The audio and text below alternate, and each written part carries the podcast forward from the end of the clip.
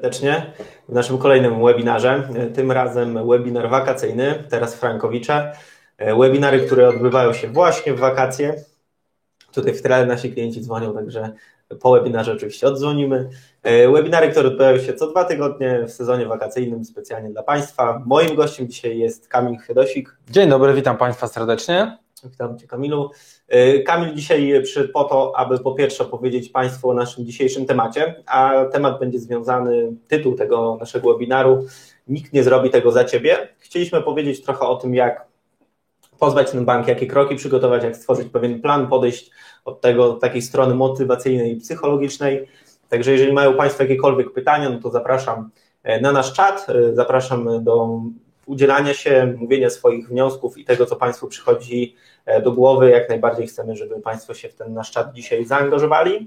E, chcemy, żeby to było interaktywne spotkanie. Po to jesteśmy, po to jesteśmy przez te półtorej godziny, aby mogli Państwo zadać wszelkie pytania i my na te pytania oczywiście odpowiemy. E, Kamilu, tytułem wstępu dzisiaj 23 liczba, co ona oznacza?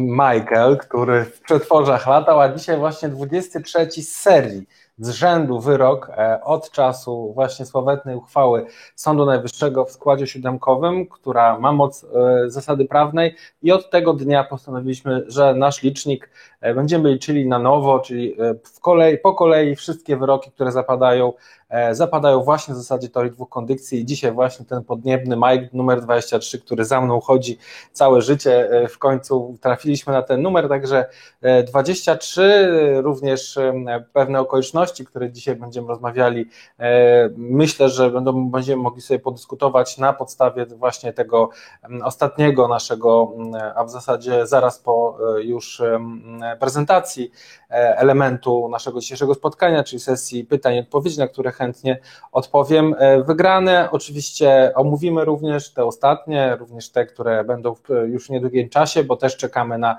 bardzo ciekawe wyroki. E, odpowiemy na Państwa pytania. Bardzo często e, również pojawiają się pytania odnośnie czy to Sądu Najwyższego, czy to innych okoliczności związanych z dzisiejszym orzecznictwem, który teraz mamy do czynienia, czy w wakacje, czy też które było w tym roku.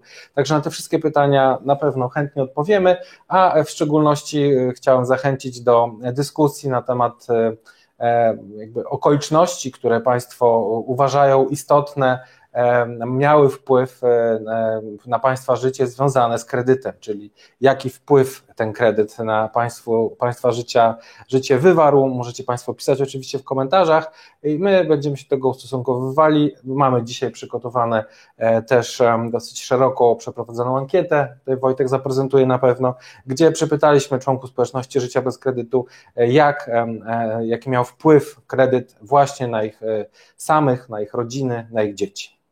Ja tutaj jeszcze przywitam się z Państwem na czacie, bo widzę, że tutaj Państwo nas witają. Dzień dobry Panie Adamie, Pani Agnieszko, dzień dobry, Pani Słomirze, dobry wieczór, Pan Edward, jak się macie?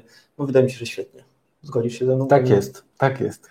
Tutaj Pan Michał jeszcze znalazł jakiś artykuł, e, wiadomości, wyniki Santander za drugi kwartał 2021 roku. Przyrost pozów frankowiczów nie maleje. No i tutaj faktycznie ten przyrost pozów nie maleje. To, to widać, natomiast z tym możemy się zapoznać e, później. Ja to jeszcze z tego miejsca chciałem pozdrowić pana Michała z Krakowa. Prosi przed webinarem, żeby pozdrowić, także Panie Michale, mam nadzieję, że Pan nas ogląda. No i Sławka z Centralnej Polski. Tak, również e, pozdrawiamy. Dobrze, już tutaj szukam prezentacji i myślę, że możemy przejść do tego, co dla Państwa dzisiaj przygotowaliśmy, na dzisiaj w odświeżonej, wakacyjnej formie. Nikt nie zrobi tego za Ciebie, finanse rodziny zależą tylko od Ciebie. Y, Kamilu, jak to rozumiesz ten przekaz, y, jeżeli chodzi o sytuację kredytobiorców? Tak, bardzo często e, spotykam się z klientami i podczas tych rozmów wypływają takie tematy, e, czy warto to robić, e, czy to jest ten moment, czy faktycznie E, na coś poczekać. W życiu jest tak, że zawsze mamy na coś wymówki, tak? E, czy chcemy, czy nie chcemy, jeśli do, do czegoś nie jesteśmy w 100% pewni, to rozsądek nam podpowiada, żeby tego nie robić, tak? Z drugiej strony jednak nikt nie zrobi pewnych rzeczy za nas, tak? E, I to bardzo mocno uwidacznia się podczas rozmów. To znaczy, jeżeli spotkanie trwa powiedzmy pół godziny, godzinę, to na sam koniec te, tej rozmowy, bo oczywiście bardzo często jest tak, że e, klienci są już e, bardzo mocno zapoznani z tymi dokumentami, które przesyłaliśmy, czy z naszymi materiałami na Facebooku, czy, czy na YouTubie i oni generalnie chcą się pewnych kwestii dopytać, ale jest też spora grupa osób, która przychodzi, e, nazwijmy to kolokwialnie, sami to nazywają, są zieloni, tak, że po prostu chcą, dostali jakieś tam materiały, ale w ogóle tego nie rozumieją, jest to za duży obszar wiedzy w tym zakresie. No i co? No i na początku jakby nawet tej takiej powiedzmy godzinnej rozmowy e, bardzo dużo jest tego rodzaju wątpliwości, które jakby widzę, że stoją na przeszkodzie podjęcia decyzji. Ponadto też często rozmawiam z naszymi członkami społeczności życia bez kredytu, gdzie już prowadzimy sprawy, bo przypomnę, że jest to ponad 1100, a być może już ponad 1200 spraw, mnożąc to razy średnio dwóch kredytobiorców, no to to już jest e, ponad, e, mocno ponad 2000 osób, które zawsze co jakiś czas mają jakieś zagadnienia, pytania. I wśród tych wszystkich elementów e, bardzo często widzę mm, to, że osoby mają e, pewnego rodzaju informacje, ja nazywam to propagandą, e, którą gdzieś tam sczytują sobie e, z artykułów probankowych i na tej podstawie mają obawy. Tak? No oczywiście naszą rolą w, w ramach chociażby bloga, gdzie piszemy te artykuły, jest jakby przedstawienie faktycznego stanu, dotyczącego poszczególnych aspektów, które dotykają banki, po to, aby właśnie zniechęcić Frankowiczów do pozwania banku, ale tak jak powiedziałem na samym początku, każda, nawet generalnie najmniejsza wątpliwość może spowodować odwleczenie tego w czasie albo w ogóle zrezygnowania z pozwania banku, czy też w czasie trwania postępowania stres jakiś związany z tym, że chociażby e, jakaś tam konsekwencja, czy sankcja, czy roszczenie restytucyjne bank e, będzie straszył, że będzie chciał wyciągnąć. Oczywiście to są zgoła najczęściej rzeczy nieprawdziwe, natomiast e, jakby no tutaj my jesteśmy od tego, czego można powiedzieć wielu być może nie wie, żeby tłumaczyć, tak? Na podstawie tego, co tłumaczymy, klient sam każdy członek społeczności życia bez kredytu może powziąć swoją e, decyzję, czy też świadomość tego, co się dzieje w jego sprawie. I zanim nie otrzymamy takich zapytań, zanim jakby osoba będzie siedziała powiedzmy w zaciszu e, domowym gdzieś tam będzie miała w głowie ułożone, że e, tego się nie da zrobić, e, a może ktoś to właśnie zrobi za nas, bo przecież jeszcze rok, dwa lata temu, e, jak sam pewnie pamiętasz, najczęściej była jakby taka, taka przesłanka, taki powód nie, odnośnie niepozywania banku przedstawiany jak na przykład, że będzie jakaś ustawa, tak? I w tym zakresie no, ktoś liczył, że ktoś przyjdzie i zrobi coś za e, Frankowicza, a faktycznie gdy to się nie stało. Tak samo mniej więcej można powiedzieć, że teraz. Też bardzo szeroka jest propaganda banków mówiąca o tym, że trzeba czekać na wyrok Sądu Najwyższego, a nie dalej jak dzisiaj czytałem, że banki same nie wierzą w tę uchwałę. Tak? Więc z jednej strony siły powiedzmy e, PR-owe e, dbają o to, żeby odwlekać decyzję do uchwały Sądu Najwyższego całego składu Izby Cywilnej 2 września, której być może nie będzie nigdy, a z drugiej strony same twierdzą, że tej uchwały nie będzie, co, co jest zresztą bardzo możliwe, że, że, że nie będzie tej uchwały. I w konsekwencji powoduje to, że frankowicze czekają, banki w żaden sposób nie odczuwają tych negatywnych skutków swoich działań, tych klauzul abuzywnych, tych nieuczciwych, nieważnych, bezwzględnie nieważnych umów. Zresztą, co, co bardzo ciekawe, coraz częściej są postanowienia w czasie trwania postępowania sądowego. E, właśnie przed chwilą tutaj też czytałem jedno z nich, gdzie sąd wprost wskazał, pomijając bardzo dużą część e, środków dowodowych, w tym pominął biegłego, pominął mm, również w tym zakresie niektórych świadków, pozostawił jednego, który zawierał umowę i wskazał, że na podstawie kodeksu postępowania cywilnego, w związku z tym, że może poinformować stronę prawdopodobnym rozstrzygnięciu, już na tym etapie poinformował, że eliminacja klauzul abuzywnych prowadzi do nieważności umowy. Także to pokazuje, że też z perspektywy w ogóle e, procesu i z perspektywy informacji, które w ramach procesu posiadamy, których nikt nie posiada inny, e, możemy też takie informacje przekazywać, co zresztą bardzo często robimy. Dlatego tutaj podstawowym aspektem jest to, żeby wiedzieć, jaki jest stan faktyczny, a nie wierzyć w propagandę banków.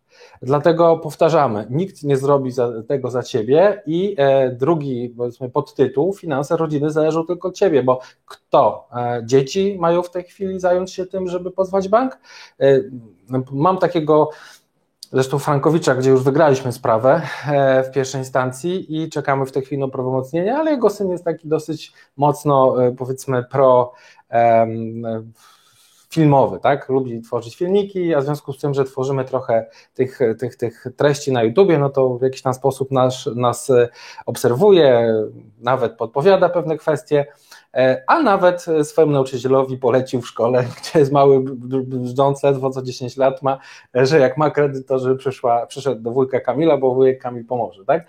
I to jest tak, że oczywiście możemy się śmiać, natomiast wiecie wszyscy, że dzieci za was tego nie zrobią. A czy to będzie miało, czy ten kredyt ma wpływ na wasze dzieci? Oczywiście, że ma, tak? Bezwzględnie ma e, i też trzeba się zastanowić, czy finanse rodziny na dzień dzisiejszy E, związane przede wszystkim z tym kredytem frankowym, bo tak pewnie jak zaraz powiesz, wynika to bardzo mocno z przeprowadzonych e, analiz e, i odpowiedzi frankowiczów, no na pewno muszą być przedmiotowo rozpoczęte, te, mówię o tych działaniach, przez dorosłych, przez osoby, które nie tylko sobie powinny zrobić dobrze, ale również zrobić dobrze swojej rodzinie, swoim dzieciom.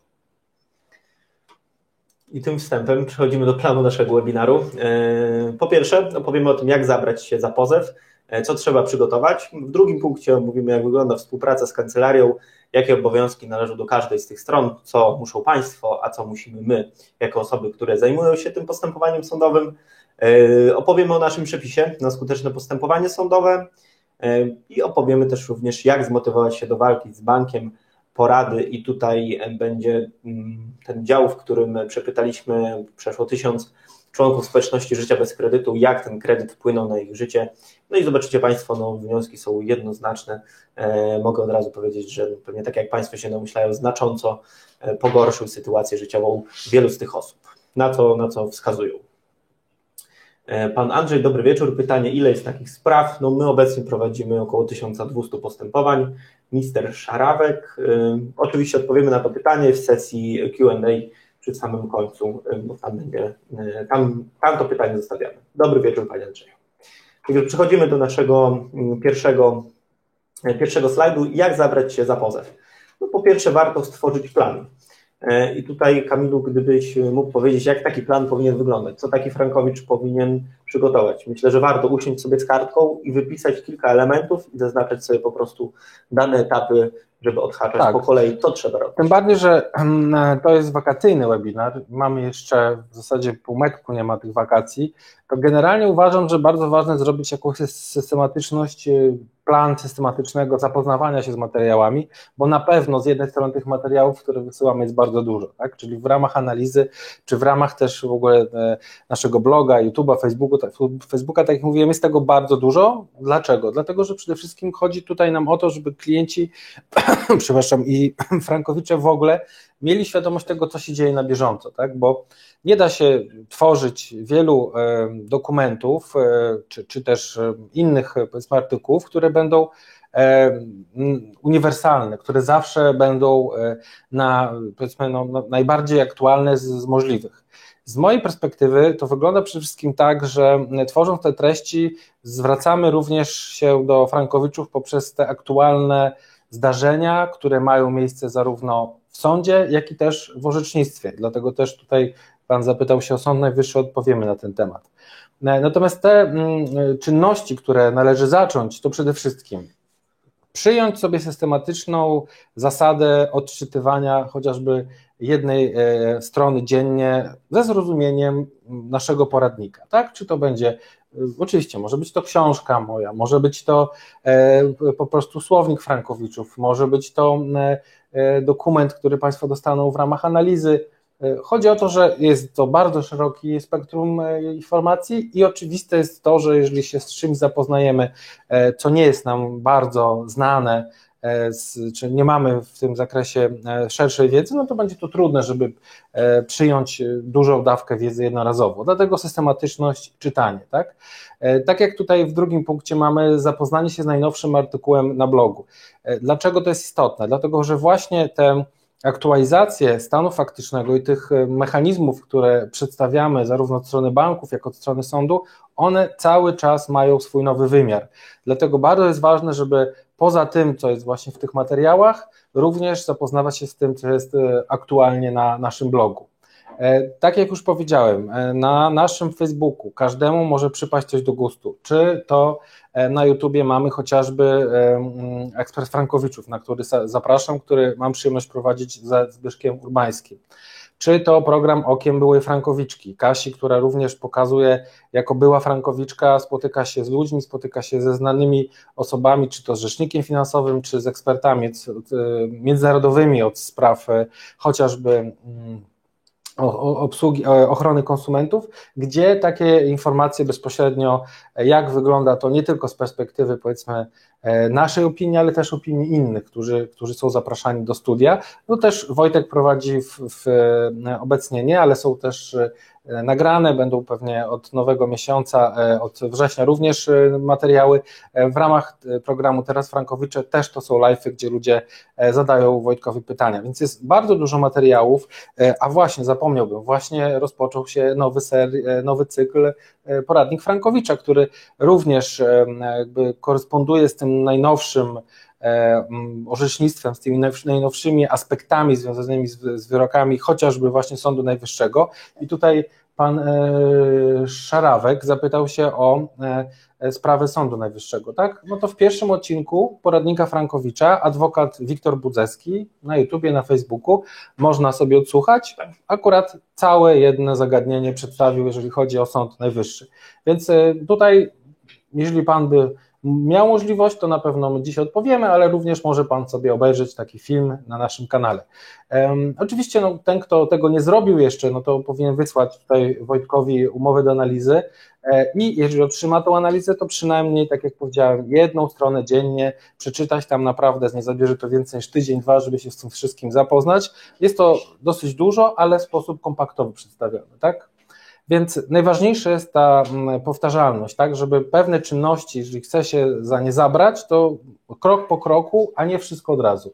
Dlatego systematyczność, codziennie po jakieś jedne niewielkie rzeczy i na pewno przybliży to Państwa do naszego, można powiedzieć, tematu, którym my się zajmujemy, specjalizujemy, ale przecież to też jest Państwa temat. To nie jest tylko temat, gdzie Państwo muszą jakby obserwować naszą działalność i my Państwa w pewien sposób zmuszamy do tego, żebyście Państwo się z naszymi materiałami zapoznawali. Wręcz przeciwnie, one są utworzone dla Państwa i zależy nam na tym, żebyście to Państwo w kontekście, wprost mówiąc już, tego całego orzecznictwa i tego całego, mm, e, można powiedzieć, zagadnienia, bo to jest również propaganda ze strony banków, również mogli się obiektywnie zapoznać i zrozumieć, jak wygląda e, sytuacja związana chociażby z propagandą banków, czy właśnie z tymi ich roszczeniami instytucyjnymi, czy korzystaniem z kapitału. Tutaj, jeżeli chodzi też o te nasze treści, które są publikowane na naszym kanale, czy też w książce Kamila podczas webinarów e, dzwoniła do mnie jedna z naszych, nie z klientek, tylko z osób, które same zdecydowały się pozwać bank, mhm. że właśnie korzysta z tej wiedzy, którą publikujemy w trakcie, poprzez tą swoją drogę e, sądową na własną rękę. To bardzo miłe, ale akurat zły pomysł. Wcześniej czy później zostanie Pani zarzucona serią argumentów, a był tutaj na tym krześle siedział e, rzecznik finansowy, i twierdził, że to jest najgorsza e, rzecz do zrobienia samemu pozwać bank, bo to tak jakby ktoś, on to tłumaczył do zawodnika MMA, tak? Jakby ktoś poszedł e, do baru, nieco bardzo, nieco się, że tak powiem, e, napoił jakimś wytrawnym trunkiem i nagle nabrał odwagi i poszedł walczyć z zawodnikiem MMA, tak? No wiadomo, że szans nie ma żadnych, ale odwaga jest i, i, i fantazja. Więc ja odradzam absolutnie korzystanie z takiego rodzaju rozwiązań, czyli pozywanie banków we własnym zakresie, bo oczywiście można, ale my nie przedstawiamy na pewno żadnej wiedzy do wykorzystania w domu, jak to się mówi, tak? Nie wykorzystasz tego w domu, dlatego że kodeks postępowania cywilnego, a to jak my przedstawiamy sprawy w sposób zrozumiały, w sposób taki, aby Frankowicze wiedzieli tak naprawdę, by mieli przetłumaczone to, co się dzieje na salach sądowych, to są zupełnie dwa różne języki. My oczywiście nie mówimy, jak wygląda nasz know-how, jak wygląda nasz jakby ten, ten taki precyzyjny już pozew, e, e, kompaktowość tego pozwu, na czym polega, także ja absolutnie odradzam. E, chcę powiedzieć, że również mamy klientów, którzy są prawnikami zawodowymi, są to adwokaci, radcy prawni, notariusze, E, no naprawdę, nawet y, mamy jednego sędziego, który jest już na emeryturze, także no powiedziałbym tylko, tylko tak, absolutnie w kontekście tego, co przed chwilą powiedziałaś, to bardzo fajnie, że jesteśmy źródłem wiedzy dla osób, które są w, w sądzie, natomiast absolutnie nie, pora, nie, nie, nie radzę, żeby zajmować się tym we własnym zakresie, bo bank w ostatniej chwili może wyjąć karty i już Pani nie będzie w stanie na to zareagować. Będzie nawet za późno, żeby się kogoś zapytać. No tutaj jeszcze pan Sławomir dodaje do tych e, porad, no i warto przeczytać książkę Droga do życia bez kredytu, historie prawdziwe. E, to jest pierwsza porada od pana Sławomira i druga, najbardziej inspirujące dla mnie są publikowane na fejsie wygrane sprawy przeszczołku społeczności ŻBK. Już 23 publikacje od wyroku Sądu Najwyższego z 7 maja. Tak jest, dziękuję Państwu bardzo. Przechodzimy dalej. Mm, dokumenty, jakie warto przygotować. No i tutaj rozróżniliśmy dwa momenty. Pierwsze, te dokumenty, które muszą Państwo przygotować, abyśmy wykonali my analizę tej umowy kredytowej. No to jest oczywiście umowa kredytowa y, oraz aneksy, jeżeli były zawierane. To jest tak naprawdę y, ten sam początek, to będzie nam potrzebne do wykonania tej wstępnej analizy. Wraz z tą analizą otrzymają Państwo od nas dokładne wskazanie, co z tą umową jest nie tak. Wypiszemy wszystkie klauzule abuzywne Wypiszemy oczywiście mm, obecne orzecznictwo i jak ono pomaga e, w przypadku, w Państwa przypadku tej umowy kredytowej, którą do nas Państwo przesłaliście. Oczywiście otrzymają Państwo pełną ofertę, no jak i oczywiście korzyści zgodnie z trzema scenariuszami, jak ta sprawa może się zakończyć. Jeżeli chodzi o pozew, no to tutaj oprócz tych dokumentów wcześniej wskazanych będzie nam potrzebna historia spłat e, i ten wniosek jest do pobrania na naszej stronie życiebezkredytu.pl wystarczy wejść w zakładkę blog, po prawej stronie jest taka lubka, tam klikamy, wpisujemy wniosek i jeden z tych artykułów będzie zawierał wnioski na każdy bank, łącznie z adresami mailowymi. Także prosta instrukcja, żeby taki, taką historię spłat pobrać. Natomiast do tej wstępnej, pierwszego tego kroku e, nie jest to konieczne. Czy tu Kamilu coś jeszcze byś warto przygotować? Czy, znaczy to, co powiedziałeś, to już jest wystarczające. Oczywiście e, dwie kwestie. Formalna kwestia jest taka, że osoby z mBanku i z Millennium mogą pobrać historię spłat również do analizy. Jeżeli nie wiecie, jak to zrobić, no to po prostu trzeba poprosić, pokażemy instrukcję, jak pobrać we własnym zakresie bezpłatnie z Milenetu, bądź też e, z bankowości internetowej mBanku od pana prezesa Stypułkowskiego, którego po, po, pozdrawiamy, e, bo to jest nasz faworyt tutaj, jeżeli chodzi o idiotyzmy, które pokazuje wszemi wobec. Natomiast wracając do drugiej kwestii, e, to nawet osoby, które kiedyś miały e, analizę otrzymaną od nas, też zachęcam do ponownego e, odezwania się. W ramach aktualizacji tej analizy to jest raz, ale przede wszystkim mamy zaktualizowany punkt trzeci, bo wypadła nam z orzecznictwa teoria salda i zamieniliśmy ją e, tym potencjalnym, hipotetycznym zwrotem roszczenia restytucyjnego, czyli kapitału, który do tej pory nigdy nie, jeszcze żaden członek społeczności życia bez kredytu nie musiał oddawać i nie będzie oddawał, ale to też jest odpowiedź na propagandę banków, gdyż banki twierdzą, że po wygraniu sprawy trzeba będzie nagle oddać pieniądze i skąd wezmą to frankowicze, a nasze analizy wskazują, że chyba w 94% każdy frankowicz dostanie po procesie trzyletnim, łącznie z odsetkami, z kosztami procesu, więcej pieniędzy niż nawet musiałby hipotetycznie oddać e, w ramach tego kapitału otrzymanego. Czyli na przykład e, dostają Państwo pół miliona, a trzeba oddać hipotetycznie 400 i oczywiście przy okazji kredytu nie ma. Czyli tutaj trzeba przede wszystkim zwrócić uwagę, że te kredyty już trwają bardzo długo i większość z nich e, jest już spłacone, a jeżeli nie, to w czasie takiego procesu będzie. Dokładnie tak. E, przechodzimy dalej. E, mam dokumenty, jakie są dalsze kroki? No bo pierwsze to wysłać nam te dokumenty do analizy, to jest kluczowa specjalistyczna kancelaria, taka, która tylko i wyłącznie zajmuje się kredytami frankowymi.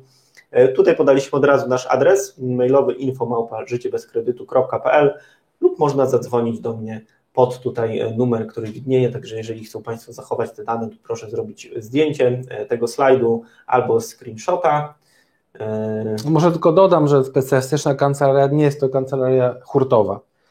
W ostatnich tygodniach mam ogromną liczbę zapytań od klientów, którzy proszą, żebyśmy przejęli sprawę z uwagi na to, że masowość wielu kancelarii, nawet takich, które nie jawią się do końca jako hurtowe, ale jednak są to mało, e, mało panujące nad tym, co się dzieje w ramach e, tych spraw, kancelarie. Mam przykłady, że pozew był składany rok, po następnym roku w zasadzie nic się nie działo, nawet e, klient nie dostał pozwu, tak? kopii pozwu, zaczerpnął najpierw informacji, powiedziałem, że nie, że na początku proszę się porozmawiać z kancelarią, może pan wskaże, co ma zrobić, tu wskazałem, co ma zrobić, to może oni to zrobią, ale absolutnie odpisali mu nawet, że tego nie będą robić, nie wiadomo w ogóle dlaczego, więc no jakby pokazuje, że jakby bardzo często mm, ten brak czasu w kancelariach powoduje też, że nie warto polecać jakby im prowadzenia tej sprawy, dlatego że później na sam koniec dnia okazuje się, że i tak są jakieś kłopoty, kłopoty. Czy to powoduje więcej nerwów? Ja nawet widzę bardzo często, już w tej chwili oczywiście bardzo rzadko chodzimy do sądu, ale kiedy chodziliśmy do sądu, że inaczej wygląda klient, który wychodzi po przesłuchaniu sądu, jeżeli jest dobrze przygotowany i jakby odpowiednio dużo czasu się poświęci mu, a inaczej wychodzi od tego samego sędziego, z tego samego banku sprawa, e, ktoś, kto jakby w zasadzie nie jest ani przygotowany, znaczy nie rozumie tak naprawdę na czym polega to postępowanie, e, prawnik cały zielony, jak ja to mówię, ze stresu, bo też nie wie, co się zadziało za bardzo zapewne. Także to nie jest tak, że każda kancelaria, która się nazywa frankowa, czy która w jakiś tam sposób się wszemi wobec reklamuje, to jest, reklam, to jest kancelaria, która faktycznie jest specjalistyczna.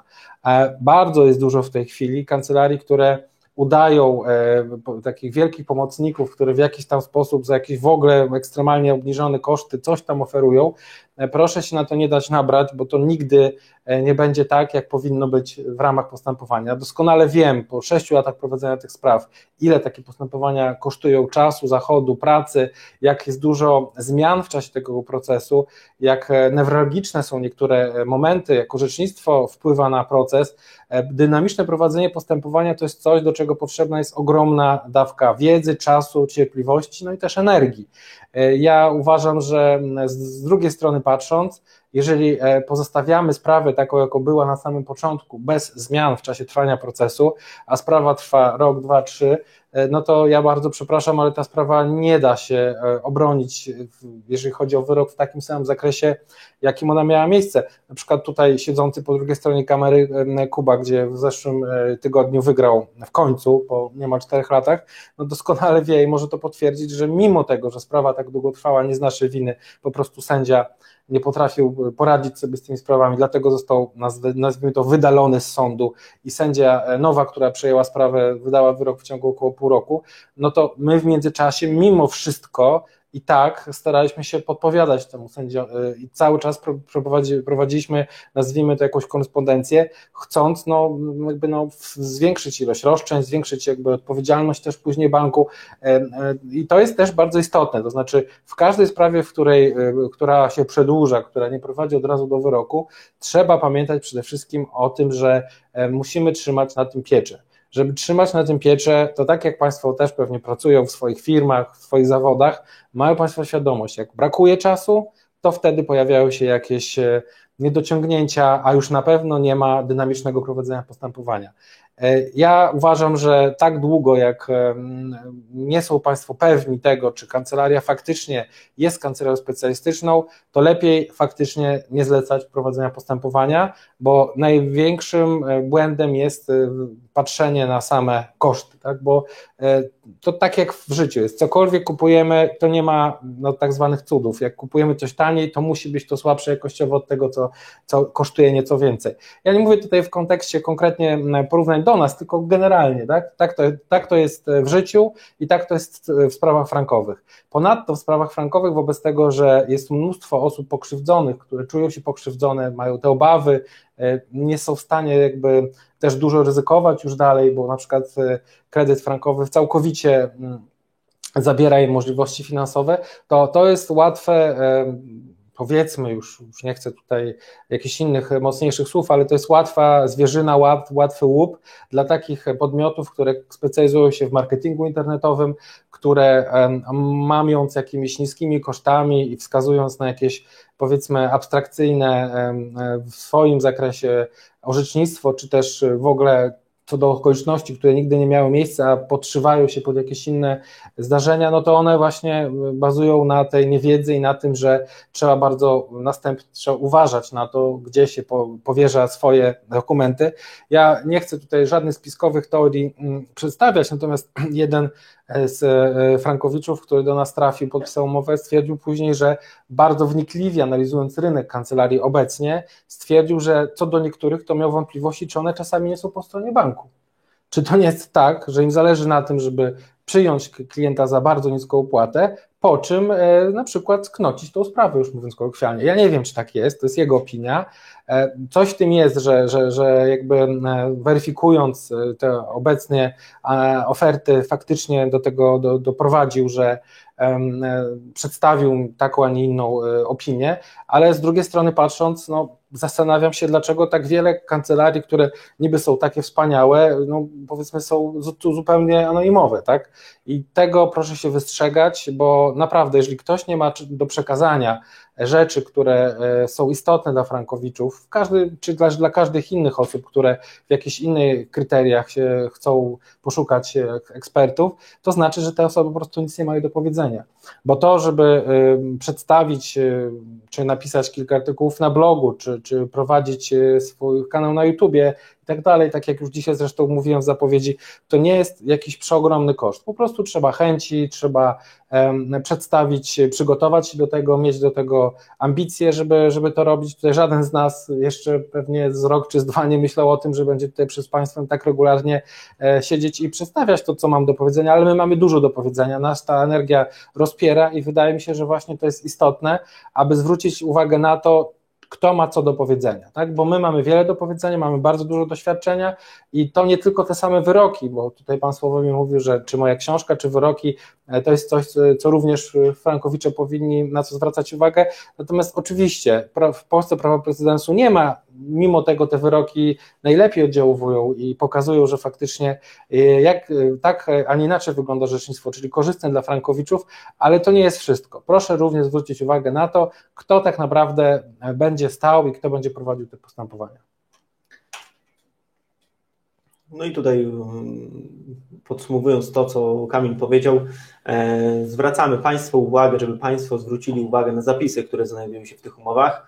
No my zapewniamy 10 gwarancji w cenie, ochronę po prawomocnym procesie, zwrot poniesionych kosztów w trakcie trwającego postępowania, w przypadku oddalenia tego powództwa, możliwość płatności ratalnych, rabaty na opłatę wstępną oraz success fee, także tych korzyści płynących z tej współpracy naszej jest naprawdę wiele, my również jesteśmy elastyczni, co często Państwo pytają, Naprawdę tutaj prokliencko podchodzimy do tego, czy to rozliczenia, czy też jakichś zapisów w umowie. Tu Kamil negocjuje stawki, także jak najbardziej zachęcamy do zapisywania się na konsultacje i po prostu ustalania tych warunków indywidualnie. Widzę tutaj pytanie pani Agnieszki. E, ona bardzo koresponduje z tym, co powiedziałem chwilę wcześniej. Czy można się zgłosić do Państwa z umowami kredytowymi do 100 tysięcy złotych, czy prowadzą Państwo tylko duże kredyty? Pani Agnieszko, i wszystkim będę to powtarzał. Niestety nie zajmujemy się mniejszymi kredytami. E, dlaczego tak jest? Dlatego, że aby zachować jakość e, prowadzenia generalnie projektu, tak, procesu sądowego, tego, co wiąże się później z skutkiem, czyli tutaj z wygrywaniem spraw, niestety y, trzeba mierzyć y, wszystkie te okoliczności związane z mm, e, potencjalnym później przychodem, tak? bo oczywiście to się za, za darmo nie dzieje, to znaczy w ramach tego postępowania pracuje nad każdym, nad każdym procesem ogromna liczba ekspertów, specjalistów z zakresu prawa finansowego, ekonomii E, ich czas e, z perspektywy wygranego procesu musi być pokryty. Przy mniejszych kredytach niestety nie jest to możliwe. Ja mówię przy naszym podejściu, bo oczywiście można złożyć pozew i zostawić go, zobaczymy, uda się albo nie uda. I my na to mm, nie mamy takiej, takiego, mm, takiej optyki, nie mamy takiego, e, można powiedzieć, no ja nie mam osobiście wewnętrznego przekonania, że dobrze bym się z tym czuł, żeby na przykład obniżyć cenę i zrobić coś, e, no kolokwialnie mówiąc, na odwal. Tak? Natomiast niestety e, potencjalny zysk, który później wynika pok- na pokrycie kosztów, czyli nawet nie mówimy tutaj o zysku, tylko pokryciu kosztów, dla mniejszych kredytów po prostu jest na chwilę obecną nieopłacalny. Dlatego zajmujemy się po prostu większymi kredytami, żeby z perspektywy wygranej sprawy móc pokryć ten potencjalny koszt, który y, jest efektem i wynikiem e, całego postępowania sądowego, a pamiętajmy, że to postępowanie sądowe może trwać na przykład średnio 3 lata i przez te 3 lata wszystkie czynności procesowe, e, tak jak powiedziałam, dynamicznie prowadzone, muszą być koniec końców pokryte kosztowo. Także przykro mi bardzo, natomiast mówię to otwarcie i taką strategię przyjęliśmy na samym początku. Stosunku do tych osób, które oczywiście mają mniejsze kredyty, e, widzę bardzo często niezadowolenie, e, nawet delikatny hejt, natomiast rozumiem to, e, natomiast nie potrafimy sobie jakby może nie, nie tyle nie potrafimy, tylko nie chcemy, żeby robić wszystko na hura. Tak jak powiedziałem, są kancelarie hurtowe, do których ja akurat nie polecam dołączania, właśnie z uwagi na to, że jedynym sposobem na to, żeby zajmować się niższymi kredytami jest robienie tego nie w sposób zupełnie profesjonalny, dlatego bardzo mi przykro, E, są oczywiście inne drogi e, dochodzenia swoich roszczeń, których, dla mniejszych kredytów, o których piszemy na swoim blogu. Proszę, żeby Pani się zapoznała, bardzo chętnie też odpowiemy na jakieś pytania, ale niestety my takiego postępowania nie możemy prowadzić. Kolejną poradą jest edukuj się i czytaj. E, no, kluczowa tutaj jest wiedza, także zachęcamy do spojrzenia na nasz blog, na Ekspres Frankowiczów, czy też Okiem Byłej Frankowiczki. To wszystko znajdą Państwo na naszym kanale na YouTubie, o czym już Kamil wspominał. Ja tylko sugeruję jedną rzecz, żeby e, na Facebooku zalajkować te grupy, do których się należy, bo mamy zarówno fanpage, jak i grupę e, Życie bez kredytu, Frankowicze Życie bez kredytu, gdzie już, to jest grupa zamknięta, gdzie już jest e, niemal 10 tysięcy osób, to jest bardzo, chyba największa grupa w ogóle zamknięta dla Frankowiczów w Polsce, cała społeczność liczy ponad 30 tysięcy osób, natomiast zachęcam gorąco do tak zwanych dzwoneczków i subskrypcji na, e, YouTubie, dlatego że wówczas mają Państwo te najnowsze informacje, które się Państwu bezpośrednio pojawiają jako e, powiadomienie i to powoduje, że Państwo nie muszą szukać, nie muszą co jakiś czas wracać i weryfikować, czy faktycznie coś nowego się pojawiło. Oczywiście, tak jak powiedziałem, nie muszą Państwo wszystkiego oglądać, ale krok po kroku można sobie zapisać na później, przecież są takie funkcje w tych mediach społecznościowych, e, żeby jak przyjdzie czas, to żeby sobie do tego wrócić. E, tutaj też widzą Państwo porównanie oferty ŻBK z taką typową ofertą.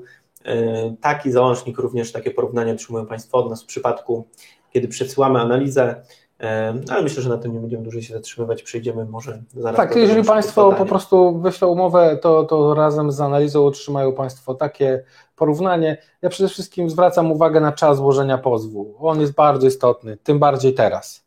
Teraz jest taki moment, przede wszystkim mamy wakacje, jakieś później zawirowania w Sądzie Najwyższym, przyjdzie taki moment, że będą Państwo bardzo chcieli złożyć pozew, a nie będzie takiej możliwości. Przypomnę, że już e, w grudniu zeszłego roku odmówiliśmy w ogóle, zatrzymaliśmy przy, przygotowanie pozwów, nie przyjmowaliśmy klientów, po prostu z uwagi na overload, tak zwany, jak ja to nazywam, czyli po prostu było za dużo e, pracy, a musieliśmy również przygotować się do mm, składania pozwów w nowy sposób, w nowy sposób kaskadowy, o czym być może dzisiaj jeszcze będzie czas.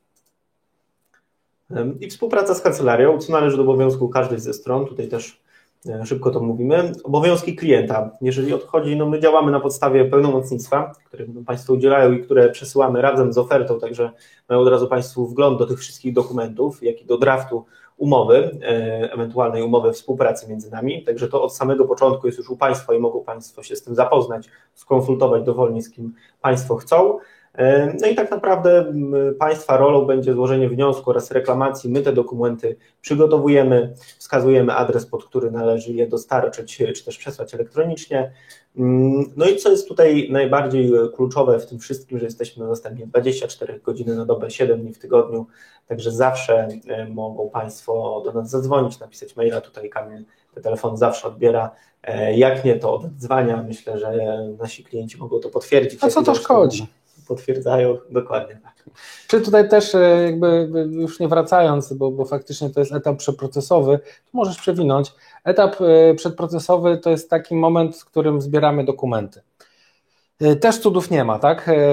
Ja się śmieję, że, że, że, że jestem cały czas dostępny, bo jestem, natomiast też trzeba pamiętać, że mamy bardzo mocny dział administracji, tak? I ten dział administracji dba o to, żeby w odpowiedni sposób poinformować Państwa, jakie dokumenty są potrzebne, czy takie generalnie, czy takie konkretnie w Państwa sprawie, bo zdarzają się takie też potrzebne na jakąś okoliczność w sprawie, różne są sytuacje, rozwody, jakieś e, związki, które są powiedzmy też między stronami na jakimś etapie e, zmieniają się, tak? Także to też ma wpływ na kreowanie roszczeń, tak? Czy to są łączne, solidarne, czy oddzielne, czy łamkowe roszczenia. Wydaje mi się, to, to, to nie jest jakby zbyt skomplikowane z perspektywy później orzeczenia przez sąd, ale mimo wszystko jest to istotne, żeby odpowiednio przygotować takie roszczenie. Dlatego ten etap przeprocesowy jest no, tak bardzo istotny i bardzo do, na, na niego zwracamy uwagę, żeby nie pominąć żadnych istotnych okoliczności, które później wyszłyby w czasie prowadzenia postępowania, na co mogłoby być już za późno. Więc e, to też mogło mieć zresztą wpływ na strategię, bo jeżeli nie, nie byłoby informacji, które e, z perspektywy późniejszego wyroku byłyby istotne, no to w ramach tworzenia e, strategii e, nie wzięlibyśmy tego pod uwagę i mogłoby to powodować oddalenie powództwa, a jakbyśmy wcześniej o tym wiedzieli, byśmy takie informacje dobrze mieli przygotowane, to być może inaczej byśmy przeprowadzili proces, inne strategie byśmy użyli i wielokrotnie już tak było, że na etapie zbierania dokumentów wynikało, że faktycznie trzeba nieco zmienić tą strategię, żeby później nie było problemów w ramach takiego postępowania sądowego. E, tutaj pan Edward pisze, że potwierdzam, kamień dostępny jest zawsze wtedy, kiedy trzeba. Dziękuję panie Edwardzie. A czy pan Edward czasami nie miał być na wakacjach? Zobaczymy. No i pan Sławomir dodaje, że bardzo szybko odpowiada na pytania, nawet w weekendy.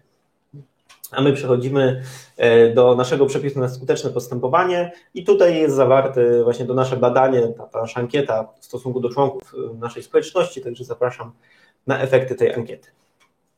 Przepytaliśmy około tysiąca członków społeczności życia bez kredytu. Zadaliśmy pytania o to, jak ten kredyt tak naprawdę wpłynął na ich życie, jak to się związało z sytuacją życiową, z sytuacją ekonomiczną całej rodziny, no i ogólnie jakie miało to konsekwencje. Wnioski są jednoznaczne. Kredyt frankowy zniszczył życie bardzo wielu frankowiczom i tutaj e, zawarliśmy to czas na sprawiedliwość z racji tego, że faktycznie moment jest odpowiedni. No i wydaje mi się, że jeżeli zostali Państwo, no mówiąc wprost, oszukani, no to warto po tą sprawiedliwość pójść do sądu no i po prostu cieszyć się życiem bez kredytu. I nie, nie słuchać się pachołków bankowych, jak ja to nazywam, ludzi, którzy nie mają w ogóle zielonego pojęcia o prawie, o tym, co dzieje się w rodzinach, e, jakie zniszczenia powoduje ten e, stres.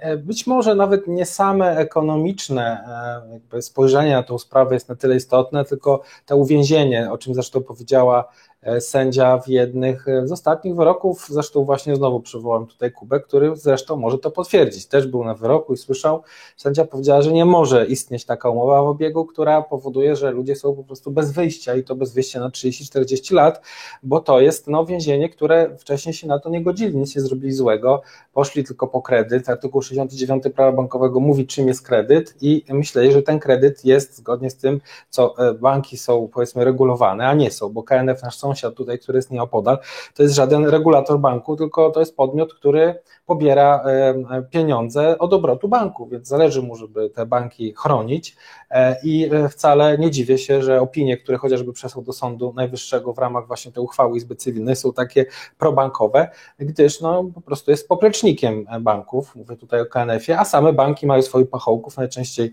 prezesów tychże banków, którzy mając jakby tutaj no, dosyć doniosły dźwięk, wydźwięk w, w mediach, bo są jednak prezesami dużych banków, zarabiają tam po 3, 4, 5 i więcej milionów, są uważani za ekspertów. No, ekspertami oni żadnymi nie są, a już na pewno nie są w dziedzinie prawa, e, bo jeżeli są, to pewnie są w finansach bankowości. Tutaj nie wchodzę w te aspekty, natomiast na pewno nie mają świadomości tego, jakie zło wyrządzili Frankowiczom i że Frankowicze ci tutaj na ten temat sami mówią. Tak, to my słuchamy tych historii e, wszystkich kredytobiorców. Na I współczujemy oczywiście. Tak, i często te historie są e, no, po prostu przykre. Czy kredyt frankowy negatywnie wpłynął na Twoje życie? Tutaj aż 9 na 10 osób wskazuje, że faktycznie ten kredyt frankowy wpłynął negatywnie na życie ich i ich rodzin. E, czy miałeś, miałaś świadomość ryzyka kursowego franka szwajcarskiego? 960 e, osób odpowiedziało, że nie, ryzyko nie zostało rzetelnie przedstawione. 24 osoby wskazały na to, że bank przedstawił kilka informacji odnośnie ryzyka, ale nie były to informacje wystarczające. Tak, wiedziałem, że biorę kredyt w obcej walucie. Zaledwie 6 osób e, wskazało na taki scenariusz. Natomiast te osoby również wskazały na to, że nie wiedziały, że ten kurs może aż w tak dużym stopniu wzrosnąć. I tutaj też pytanie często pojawia się o to, tą klauzulę podpisaną ryzyku, mhm. niektóre z tych banków miały. No i pytanie, zawsze wtedy się zadaje pytanie naszym klientom, czy faktycznie, gdyby to ryzyko zostało rzetelnie przedstawione, czy by podpisali tę umowę. Mhm. Okazuje się, że nie. Tak, to znaczy ja może podkreślę w kilku słowach, żeby też tutaj jakoś szczególnie tego nie, tu sama, sama liczba pokazuje, jak, jaka jest ogromna e, przewaga tego, że ludzie nie byli świadomi e, i rzetelnie przedstawione było im ryzyko. Przede wszystkim banki nie przedstawiały, bo było to w ich interesie, żeby nie przedstawiać informacji odnośnie ryzyka związanego z całym zadłużeniem. To znaczy, że frank jako waluta może mieć w ogóle jakikolwiek wpływ na zadłużenie. Mówiono tylko i wyłącznie o tym, że może mieć wpływ na ratę, a i to niewielką. I wielokrotnie podczas rozpraw e, słyszy się, że przedstawiciel banku mówi, że ktoś tam podpisał, tak jak mówisz, oświadczenie o ryzyku. Słuchajcie, jakie to jest oświadczenie ryzyku? Gdzie jest napisane, że jestem świadomy ryzyka? Kiedy mi powiedzieli, że ryzyko jest nieduże, to ja podpisuję papier, bo inaczej nie dostanę pieniędzy na wymarzony dom. O czym to jest w ogóle mowa? Żadnych faktycznych symulacji, żadnego wskazania na to, że kurs y, może mieć wpływ na to, że ten kredyt nigdy nie będzie spłacony, bo zadłużenie może wzrosnąć, co zresztą ma miejsce, tak? Znacznie ponad to, co się dostało, mimo tego, że już się dawno odda to, co się pożyczyło.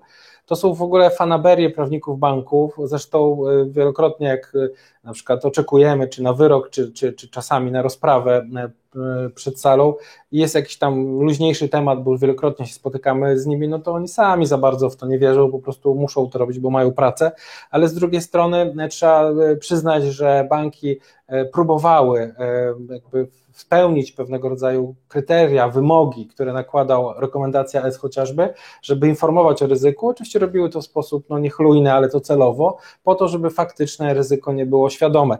I jeżeli będziemy teraz mieli sesję pytań i odpowiedzi, to zaraz zanim to będzie, to proszę, żebyście Państwo napisali, czy Państwo mieli świadomość tego ryzyka, czy uważacie z perspektywy czasu, czy było Państwu przedstawiony sposób właśnie E, faktyczne te ryzyko i czy podpisalibyście taką umowę, gdybyście wiedzieli, jak ono wygląda. Czyli żebyście wiedzieli, że jesteście wystawieni na niczym nieograniczone ryzyko. Tak, i pomimo spłacania tego kredytu przez 15 lat będą mieli Państwo więcej do spłaty niż tej pożyczki było zaciągnięte, no to jest praktycznie w 100% przypadków. E, jeżeli wykonujemy analizę, to właśnie taki scenariusz się powtarza. W międzyczasie przechodzimy do drugiego e, pytania. Jak oceniasz wpływ kredytu we franku szwajcarskim na życie swojej rodziny? No i tutaj 821 osób wskazało, że ten wpływ był bardzo znaczący. 135 e, osób wskazało jako wpływ znaczący, umiarkowany 31 osób, no i 12 osób e, wspomniało, że ten był znikomy wpływ kredytu na życie danych rodzin. Znaczy to jest znikomy, to najpewniej wówczas, kiedy ktoś brał bardzo dawno e, mały kredyt na początek życia, a później kariera się rozwinęła i, i ta jakby rata powiedzmy rzędu tam 800 zł być może nie ma żadnego znaczenia, natomiast no, to nie znaczy, że te umowy są uczciwe, tak? No, to, to, to jakby nie tego, nie tego rodzaju to jest na pewno odpowiedź. Tak, no to też jest 1% w przypadku wszystkich no masz rację, e, tak. osób, także jest to bardzo nieznaczący wpływ. E, pan Sławomir wskazuje, że nie był świadomy podjętego ryzyka i pewnie dzisiaj nie podjąłby decyzji o wzięciu takiego kredytu. Mhm. Także potwierdza się, tak. potwierdzają się wyniki naszej ankiety. E, kolejne pytanie. Jak zmiana kursu franka szwajcarskiego wpływa na Twój budżet domowy? No i tutaj 656 osób wskazało, że w bardzo znaczącym stopniu wpływa to na ich budżet domowy i ten budżet domowy obciąża. 287 osób wskazało na znaczący stopień wpływu na budżet domowy kredytu we franku szwajcarskim, 54 wskazały, że ten wpływ był umiarkowany. No tutaj nawet nam się nie zmieściła e, ta, ta, ta statystyka, która mówi o tym, że tego wpływu, ten wpływ był nieznaczący. E, pan Andrzej wskazuje, że u mnie żadnej symulacji z frankiem e, jedynie słownie wskazana o korzyści z konwersji w porównaniu ze złotowym. Czyli tutaj Pan Andrzej wskazuje, że również nie było żadnego mm, wskazania, e, ani ta symulacja prowadząca o kredyt we franku nie była rzetelna. Chyba wiem, który Andrzej, pozdrawiam. Um, Bo już o tym rozmawialiśmy. Tak. Kolejne pytanie, jak kredyt we franku wpłynął na Twoją sytuację rodzinną? E, no i tutaj e, najczęstszym tutaj najbardziej argument przekonywujący, na który najwięcej osób udzieliło odpowiedzi, to boję się o przyszłość finansową swojej rodziny. Kolejny, boję się o przyszłość dzieci. E, później często zadłużenie z powodem kłótni. Niestety ten e, wyrok frankowy również wpływa na relacje międzyludzkie. E, no i w kilku przypadkach niestety ten kredyt był powodem rozpadku rodziny. Tak, no tutaj trzeba jeszcze raz podkreślić tą kwestię przyszłości dzieci, bo ja w zasadzie być może poświadomie, ale jakby też nie miałem nigdy takiego przekonania, że to jest taki, takie istotne, nie było to jakby takim moim przekonaniem priorytetem. Jeszcze rok temu, nawet co ponad rok temu, do czasu, kiedy zaczęła się pandemia. To był taki moment, kiedy większość, zdecydowana większość e, klientów zaczęła mówić o tym, że a co będzie, jak zaraz nasz COVID złapie, co będą robiły nasze dzieci? E, mamy kredyt większy niż wartość nieruchomości, rata jest kosmiczna, my ledwo płacimy, a co nasze niepełnoletnie dzieci jeszcze, tak? Czyli sytuacja, w której coś się dzieje rodzicom, albo nawet jednemu, to też będzie już powodem, problemem dla, dla, dla budżetu rodzinnego, nagle determinuje sytuację, że nawet nie ma jak z tego wyjść, no bo nie, nie da się sprzedać nieruchomości, po pierwsze, bo nie będzie gdzie mieszkać, po drugie, bo cena e, sprzedaży nie pokryje ten wirtualny dług banku, e, a z drugiej strony nie masz czego spłacać, no bo te pieniądze umknęły, że tak to nazwę, wszystkie na i zostały pochłonięte przez te nieuczciwe wysokie raty. Dlatego ja uważam, że jeżeli byśmy zrobili podobne e, pytanie w, w przyszłości, za jakiś rok, to moim zdaniem te boję się o przyszłość dzieci będzie coraz istotniejsze w podejmowaniu decyzji, przede wszystkim dlatego, że e, jeżeli utrzyma się wzrost franka, który mamy dalej, bo cały czas przypominam, że mamy, e, oscylujemy do między 4,25 a 4,30, czyli to jest znacznie więcej niż chociażby jeszcze dwa miesiące temu przewidywali analitycy, bo mówili, że będzie kierowało się w stronę 4, a poszło w drugą stronę, czyli mamy większe zadłużenie, większą ratę, E, kolejne zagrożenie jakąś tam falą e, covidową czy, czy czym innym, jakimiś obostrzeniami i to powoduje, że tak naprawdę e, dzieci rosną, a dług się nie zmniejsza, rośnie tylko rata. I to będzie moim zdaniem będzie coraz istotniejsze, bo dzieci będą w pewien sposób też uwikłane bardziej niż było to do tej pory, gdzie było to mniej zauważalne. Tutaj Pani jeszcze wskazuje, że jeżeli wiedziałabym o tak dużym ryzyku kursowym, nie zdecydowalibyśmy się na kredyt. Dlaczego Pani Iwona napisała coś ciekawego? W moim...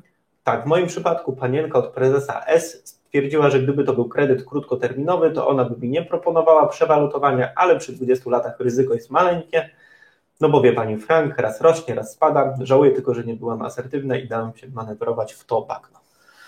No tak, Pani Wono, no niestety dzieje się bardzo często tak, że, a działo się raczej, teraz już raczej tak nie jest, że jak szliśmy do banku, do instytucji zaufania publicznego wówczas, to wydawało się wielu, że to jest taki urząd, tak, że idziemy tam i osoby, które tam nam doradzają, to są te osoby, które na tym się znają, a tak naprawdę byli to marnej klasy handlowcy, po prostu trzeba to powiedzieć otwarcie, którzy nawet nie wiedzieli, co sprzedają. Ja wiem to dlatego, że po przesłuchaniu wielu świadków, pracowników banku, oni nie mieli zielonego pojęcia na temat tego, jak wygląda w ogóle ten produkt, jak można sprzedawać produkt, kiedy się w ogóle nie wie, jak on funkcjonuje, tak? I dlatego nazywam, że byli marni. Nie chodzi mi, czy oni tam znali jakieś sztuczki socjotechniczne, czy właśnie tutaj panią Iwonę namówili do tego. Chodzi mi o to, że nie można przedstawiać jakiegoś produktu, kiedy nie zna się jego wszystkich skutków, tak? I, a w szczególności biorąc pod uwagę fakt, że po drugiej stronie mieli świadomość, że w związku z tym, że sprzedają, wciskają te kredyty, mają coraz to większe wynagrodzenie. Więc tu e, takie greedy się odezwało, taka chciwość, a e, myślę, że jeżeli ktoś by chciał e, sprecyzować tak naprawdę i dowiedzieć się, jak ten kredyt wygląda, to z czystego, czystej przyzwoitości opuściłby y, tę placówkę banku i nie pracowałby tam, bo na pewno jest dużo więcej ciekawszych prac. E, natomiast no niestety, tak to działało, czyli działało to na zasadzie takiej duże pieniądze dla sprzedawców, mało informacji. Wielokrotnie pytaliśmy się, czy były szkolenia z zakresu kredytów. Nie, mówiono, że były szkolenia w banku, ale z zakresu sprzedaży. Tak, i tutaj jeszcze przypomina mi się jedna rozmowa z naszym klientem, co prawda nie udzielał tych kredytów, ale pracował w banku, kiedy te kredyty były udzielane. Wskazał mi na informację, jeżeli była prowizja od kredytu złotowego, ona wynosiła 0,8-0,6%, jeżeli frankowy to od 2 do 3%. Tak, tak zdarzało się tak e, również nie zawsze, ale w ogóle to nawet nie chodzi o to. Chodzi o to, że klient przychodził po kredyt y, złotówkowy zwykły, tak? I bardzo często było tak, weźmie pani więcej, weźmie pan więcej, a to na remont się przyda i tak dalej. Bardzo często ktoś przychodził po kredyt, była wstępna decyzja, tak, możemy dać 300 tysięcy, a decyzja analityka była taka, no niestety, możemy dać tylko 150, ale jak weźmiecie kredyt tak zwany frankowy, to dostaniecie nawet 400, tak? I to tak generalnie zawsze się powtarzało. I teraz o co chodzi? Chodzi, chodzi o to, że ten sprzedawca jakby miał do, możliwość zaoferowania tylko kredytu na 150 tysięcy, on by nie spełnił potrzeb i ta osoba w ogóle by nie zaciągnęła tego kredytu. A skoro ten cudowny niby kredyt E, frankowy był możliwy w jeszcze większej kwocie, to nawet jeżeli on miałby tą samą prowizję za kredyt typowy złotówkowy i złotówkowy waloryzowany do franka, to z uwagi na większą sprzedaż tych kredytów, on po prostu miał większą prowizję od tej sprzedaży. Także nikt mi nie powie, nie wmówi po tylu e, set przesłuchaniach e, pracowników banku, że pracownicy banków nie byli zainteresowani żywo w tym, żeby po prostu sprzedawać te kredyty, nie informując o ryzykach. I tutaj to byłoby na tyle z wyników naszej ankiety na ten moment. Jak życie bez kredytu wspiera Frakowiczów? No i tutaj mamy społeczność prawie 30 tysięcy osób. E, tu zawsze powtarzamy, że w grupie jest raźniej, zawsze mają Państwo inne osoby, które potrafią pomóc, potrafią powiedzieć, jak było to w ich przypadku. Tutaj kłania się program Kasi Urbańskiej, okiem byłej Frankowiczki czy też teraz Frankowicze, w których e, zapraszałem e, byłych Frankowiczów i opowiadali o tym, jak wygląda to z ich perspektywy. Warto tymi historiami się zainspirować, no i przede wszystkim dowiedzieć się, już raz ktoś te szlaki przetarł, będzie Państwu po prostu łatwiej w tą drogę wejść. Mamy doświadczenie zdobyte w ponad tysiące już prawie 200 sprawach. No i oczywiście to, co tutaj Kamil wcześniej wspominał a propos specjalizacji, no to są doświadczeni prawnicy i ekonomiści, którzy przede wszystkim mają to doświadczenie e, zdobyte na salach sądowych podczas wykonywania analiz i procesów. Tu pan Sławomir mówi, że najgorsze w tym wszystkim jest, że e, prezesi banków doskonale wiedzieli, co robią. Ja się z tym absolutnie zgodzę.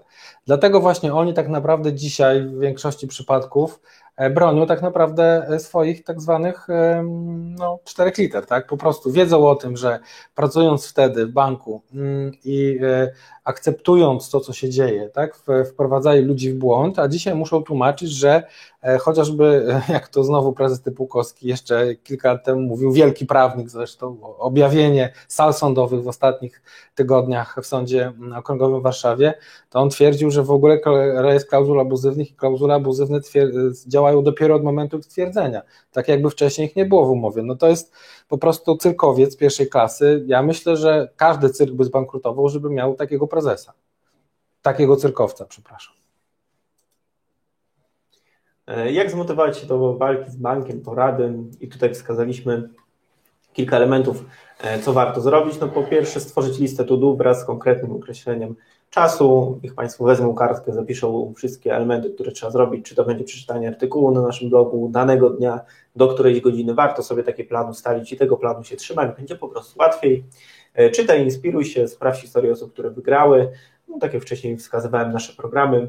Zaprzyjaźnij się z tym stresem związanym z, z tą ratą. No, trzeba e, postarać się, aby ten e, stres był był motywujący. I pozytywny. Tak, i tutaj Maria Rodkie, psycholog, która również występowała w naszych programach, na to wskazywała.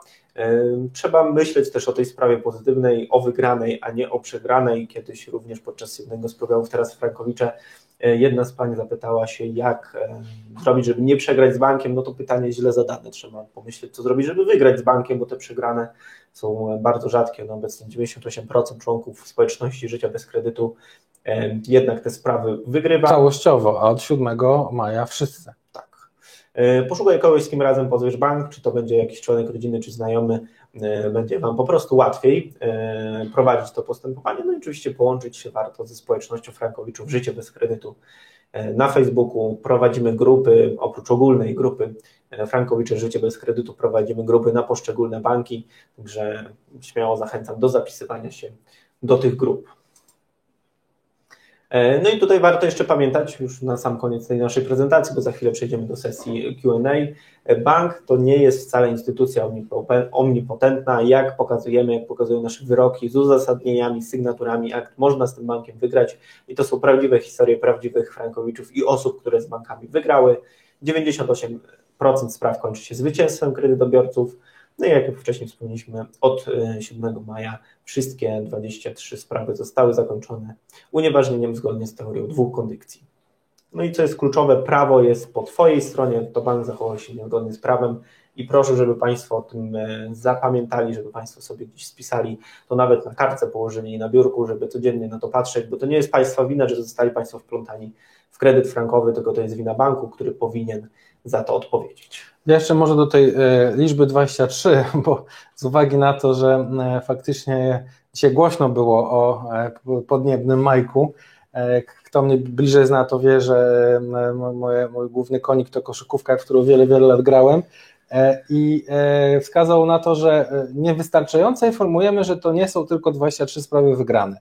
Oczywiście, no to jest tylko ta seria, która rozpoczęła się 7 maja i na bazie tych spraw każda sprawa mniej więcej miała korzyść około miliona złotych, tak? Bo pamiętajmy, że zajmujemy się generalnie dużymi sprawami, natomiast jeżeli weźmiemy wszystkie nasze wyroki, no to już jest ich ponad 200 na pewno. W tej chwili nawet takie statystyki nie prowadzimy. E, być może gdzieś tam trzeba by było spojrzeć w Excela i to sprawdzić, natomiast no, znowu, czy lepiej sprowadzić statystykę, czy lepiej sprowadzić sprawy na bieżąco, tak? Statystyki są mniej istotne, są robione co jakiś czas, natomiast y, to jest, to jest ta seria 23, jeszcze raz chcę wskazać, pokazuje, że uchwała Sądu Najwyższego e, w ogóle przekreśliła jakiekolwiek inne wyroki. Nie ma odfrankowania, nie ma teorii salda, e, w ramach powiedzmy też odmowy odpowiedzi na E, uchwałę Sądu Najwyższego e, w tym miesiącu, gdzie do którego zresztą prokurator generalny e, się przyłączył, była informacja, która popłynęła z Sądu Najwyższego, że nie ma rozbieżności w orzecznictwie. Ja chciałbym jeszcze przypomnieć, i to może już przejdźmy do tej serii pytań, jak odpowiedzieliśmy, tak. obiecaliśmy Panu, mm, że odpowiemy na pytanie, mimo że może obejrzeć ten poradnik Frankowicza, część pierwszą na naszym YouTubie, to mimo tego powiem tak, czym jest w ogóle uchwała całej Izby Sądu Najwyższego. Po co ona jest? Tak? No, uchwała całej Izby jest wtedy, e, wtedy prezes sądu powinien taką uchwałę wskazać i zarządzić taką uchwałę, żeby cała Izba roz, rozpatrzyła e, zagadnienia w momencie, kiedy byłaby rozbieżność w wyrokach Sądu Najwyższego. Podkreślam, w wyrokach Sądu Najwyższego. Ja się dopytywuję, ktoś widział od dwóch, trzech lat jakiekolwiek rozbieżności w wyrokach Sądu Najwyższego. Czyli już od dłuższego czasu żadnej rozbieżności nie ma. Co do wyroków pierwszej instancji dotyczących teorii salda czy odfrankowania, zgadzam się. Może prezes Manowska chciała tę sprawę raz na zawsze załatwić i doszła do wniosku rok temu, że proszę bardzo, zróbmy taką uchwałę. Tak? Natomiast chciałbym zauważyć, że w czasie, kiedy ten wyrok jest, ta uchwała jest niewydawana, co jest na korzyść oczywiście banków, e, to zapadają inne uchwały w składzie trójkowym, siódemkowym, gdzie Sąd Najwyższy wypowiada się bezpośrednio i e, odpowiada na wszystkie pytania, które dotyczą spraw frankowych, i to nie budzi wątpliwości. Tych rozstrzygnięć nie ma. Dlatego w moim przekonaniu uchwała e, z 2 września może w ogóle nie zapaść, może zapaść w taki sposób, że sędziowie, e, tak jak zresztą było to w czerwcu, powiedzą, że nie ma rozbieżności, wobec tego formalnie odmawiają. To jest e, jakby jednym z rozstrzygnięć zadania pytania prawnego jest e, odmowa odpowiedzi na pytanie. Tak? Jest to możliwe, jak widać niedawno, kilka tygodni temu miało to miejsce. I to również powoduje, że skoro jest odmowa udzielenia odpowiedzi na te pytanie, to również zamyka to sprawę. Na przykład mieliśmy sporo spraw zawieszonych do tej uchwały, która teraz miała zapaść, w związku z tym, że ona oficjalnie zapadła, ale nie było odpowiedzi, to sprawy były mimo wszystko odwołane, e, przepraszam, odwieszane, odwieszone, bo no po prostu skoro ta uchwała wprost wskazała, że nie ma rozbieżności, no to sąd może również wrócić do innych uchwał, które mówią o tym, jak powinny rozstrzygać w takiej sprawie. Czyli reasumując, e, uchwała całej Izby Sądu Najwyższego jest do niczego potrzebna, nie jest potrzebna e, również z perspektywy e, orzecznictwa, bo ono w żaden sposób nie jest rozbieżne. E, ja myślę, że biorąc pod uwagę kolejne tygodnie, miesiące, ta nasza liczba wygranych serii, a w szczególności po tym, jak sędziowie wrócą z wakacji, będzie rosła po kilka, nawet może po dziesięć tygodniowo, po prostu tyle mamy wyznaczonych już spraw i wtedy ktoś sobie pomyśli, po co czekałem, skoro to orzecznictwo było takie oczywiste. Więc jeszcze raz podkreślę, to nie jest 23 wyroki, które zapadły, tylko to jest ten moment, od którego postawiliśmy granicę i zaczęliśmy liczyć, czy te wyroki w jakikolwiek sposób będą się różniły. I się nie różnią. Wszystkie są takie same. Oczywiście to nie jest tak jak ta pani, o której mówię, że sobie sama tę sprawę wygra w taki sam sposób, bo to bazuje oczywiście na doświadczeniu i odpowiedniej grupie ludzi, która się tym zajmuje, no ale z drugiej strony e, pokazuje, że orzecznictwo w tej chwili jest bardzo stabilne. Pytanie od pana Artura. Jak długo średnio trwa proces? No średnio to y, nie da się tego powiedzieć, dlatego że przede wszystkim trzeba podzielić na dwa aspekty. Jeden aspekt to są sprawy, które były wytoczone przed kwietniem w Sądzie Okręgowym w Warszawie, bo wtedy nie było jeszcze sądu e, Wydziału Frankowego 28 i na ten czas e, sprawy trwały około 2-3 lata, trwały rok, trwały cztery, różnie to było, średnio to było 2-3 lata, natomiast ten Wydział Frankowy na dzień dzisiejszy te sprawy bardzo krótko e, będą trwały, bo mamy już wyroki po pół roku. Tak? Natomiast chcę zwrócić uwagę na jedną bardzo istotną kwestię. Wydział powstał w kwietniu. Sprawy trafiają tam w, no, w ogromnym tempie. Tak? Każdy nowy sędzia co miesiąc, uważam, patrząc po sygnaturach, że dostaje 100-150 spraw. W pewnym momencie masa krytyczna i również w tym nowym wydziale wyczerpie się. Dlatego jak będą Państwo czekali nie wiadomo ile na złożenie pozwu, to nie będzie tak, że te sprawy będą trwały 6 miesięcy, ale pewnie też będą trwały 2 lata. Więc jeżeli Państwo chcą wcześniej e, doprowadzić do rozstrzygnięcia w sprawie, przynajmniej w pierwszej instancji, to zachęcam do tego, żeby złożyć pozew teraz, bo teraz jest szansa, że ta sprawa w pierwszej i drugiej instancji będzie trwała półtorej, dwa lata, tak?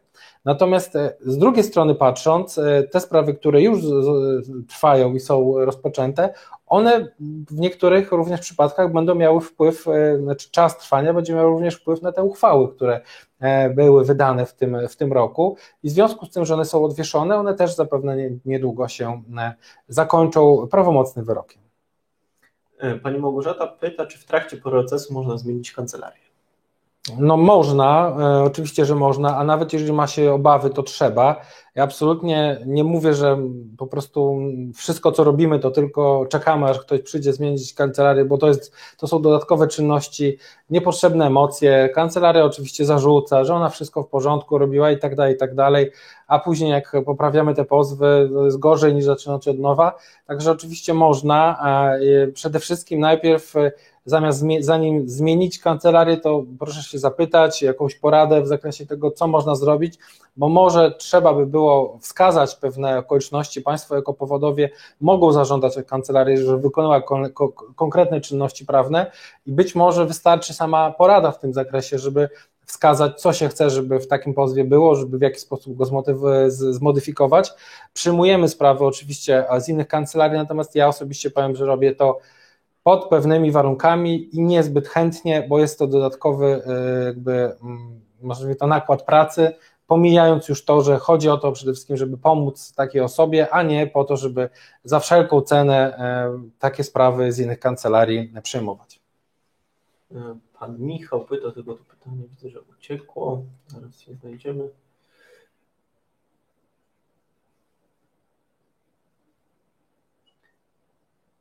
O, i i akurat to pytanie uciekło, natomiast pytanie dotyczyło, czy można zmienić e, wydział? W sensie, jeżeli sprawa toczy się w innym wydziale, czy może ona się toczyć w tym nowym wydziale, czy można przenieść do tego? Mhm, tak, no, znaczy były takie sytuacje na początku roku i w kwietniu, że faktycznie sędziowie, którzy zmieniali wydział, bo po prostu pracowali wcześniej w innym wydziale, a zostali przeniesieni do nowego wydziału, i mieli jakieś sprawy, jednocześnie spowodowało to, że przeniesiono tą sprawę do tego nowego wydziału, mimo że ona wcześniej już oczywiście była prowadzona przez kilka miesięcy w innym wydziale.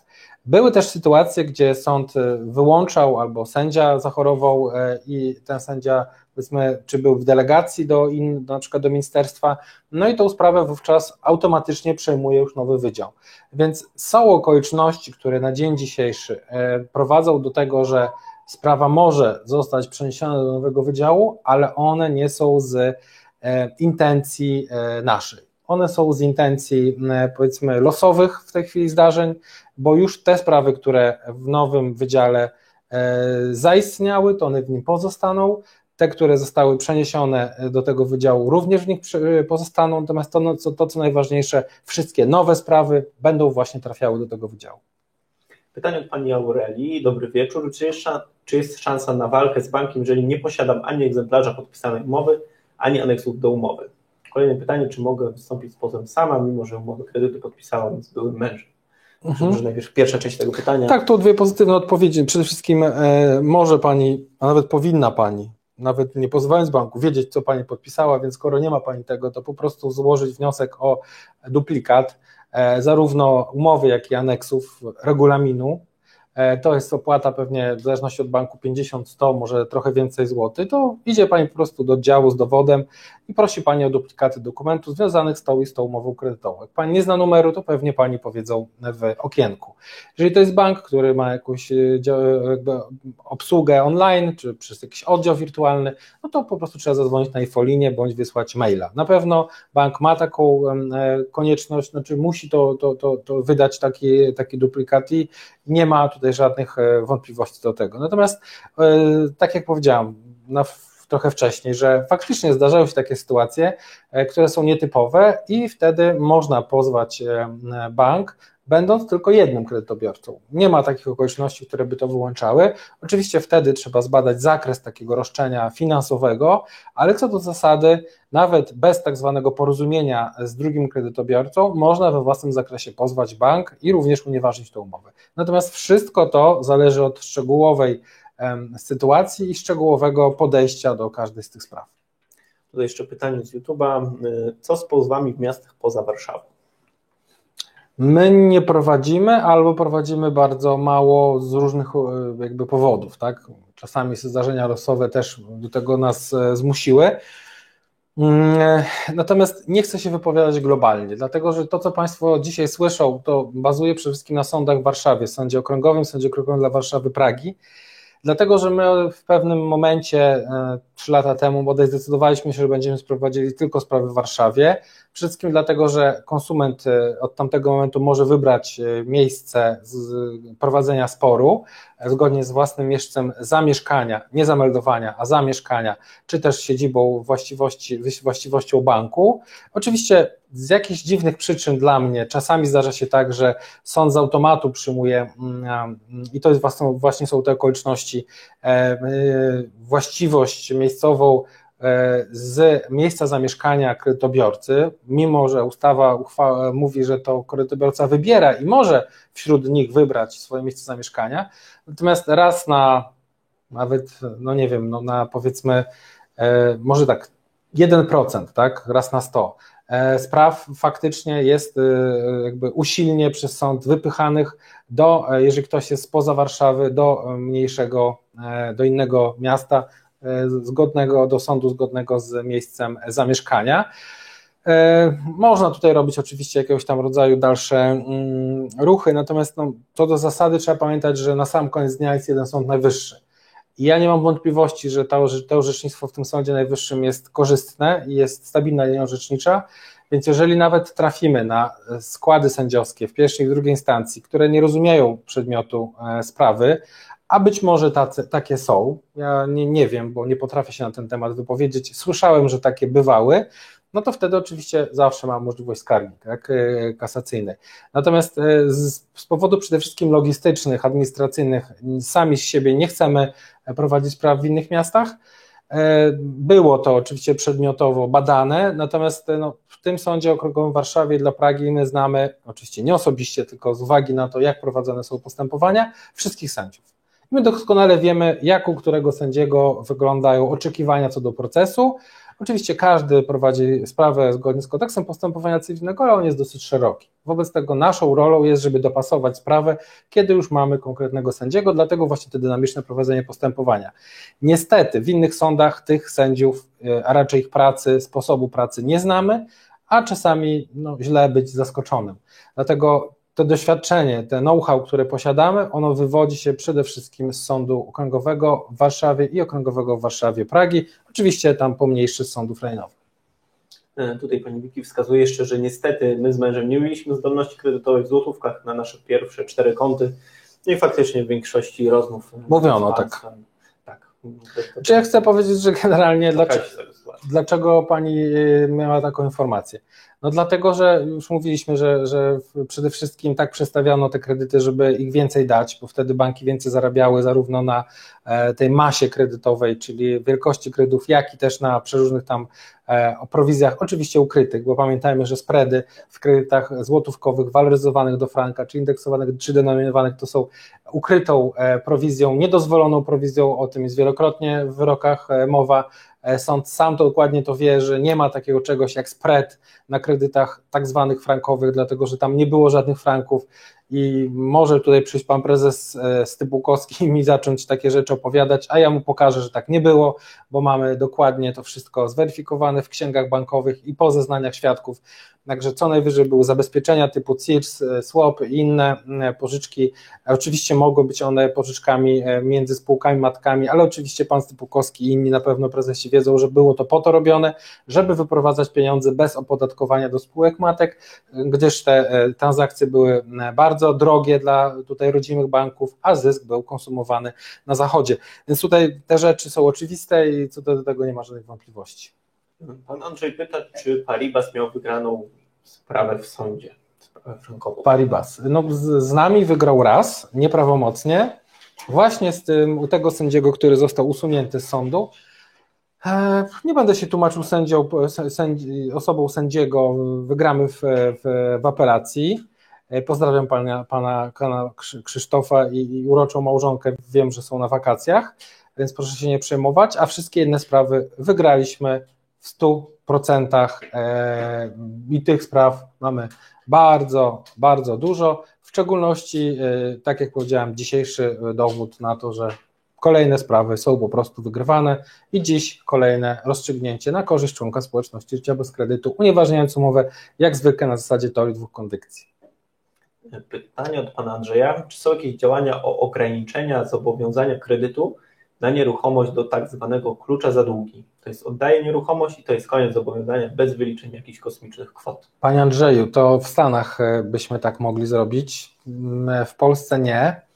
Mm, klucze za dług w ogóle się kojarzy z takim e, aspektem e, w jednej z kampanii, tej nie ostatniej, tylko pierwszej prezydenta, gdzie sam pamiętam, jak wypowiadał się, że e, właśnie taką strategię e, sądy powinny stosować, czy w ogóle powinno być takie globalne rozstrzygnięcie.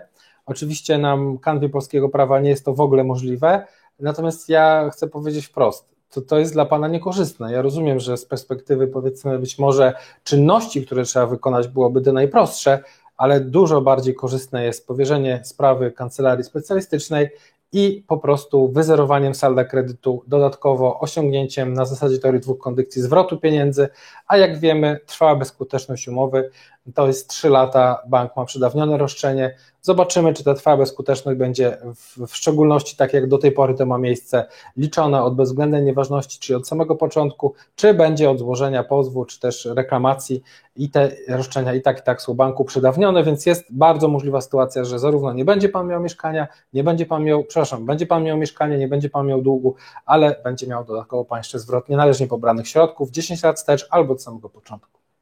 Pani Ewa pyta, ile czasu podpisania umowy z państwem upływa do złożenia pozwu. No i tutaj, jeżeli ma Pani historię kredytową, to jest to od tygodnia do dwóch tygodni, kiedy ten pozew e, składamy. E, no jeżeli nie ma Pani tej e, historii kredytu, no to wtedy wysyłamy wniosek i bank w około 30 dni średnio na taki wniosek odpowiada. No i również wtedy liczymy ten tydzień do dwóch. Od kompletu dokumentów, tak? Będziemy mieli komplet dokumentów, wtedy w, tego, w ciągu tygodnia, dwóch możemy złożyć pozew. Pan Andrzej jeszcze zadaje pytanie, jeżeli nastąpi upadłość banku, co wówczas z wykonaniem prawomocnych wyroków o zapłatę? Tak, po pierwsze banki nie upadają, tylko banki są przejmowane w, w zakresie i formie, której mu, mówi właściwe przepisy o właśnie upadłości banków. E, to jest pierwsza kwestia. Druga kwestia, jeżeli są, sięgniemy do ostatnich e, ocen e, w ogóle, jeżeli chodzi o kwestie związane z wypłacalnością banków e, i ostatnich wyników banków, to w zasadzie wszystkie banki są w bardzo dobrej kondycji w Polsce. Nawet te frankowe, co ciekawe, Santander, który tak bardzo narzekał na płynność i na jeszcze w zeszłym roku i na możliwości w ogóle funkcjonowania, zwalniając bardzo dużą grupę pracowników, tą płynność poprzez to odzyskał. Tak? Przecież wiemy, że zwolnił chociażby siedzibę przy rządzie ONZ.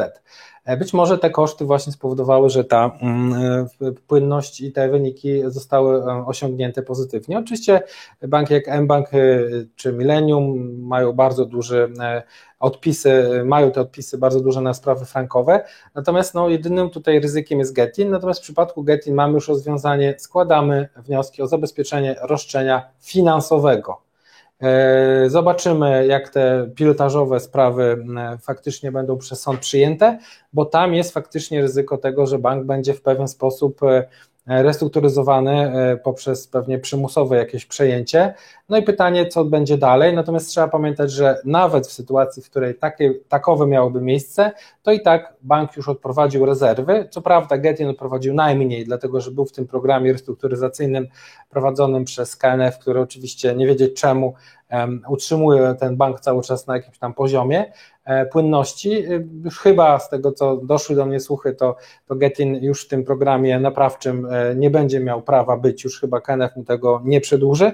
Natomiast, no, tak jak powiedziałem, no tutaj losy nie są do końca znane, no bo KNF po prostu straci kolejnego płatnika tak, w tym zakresie.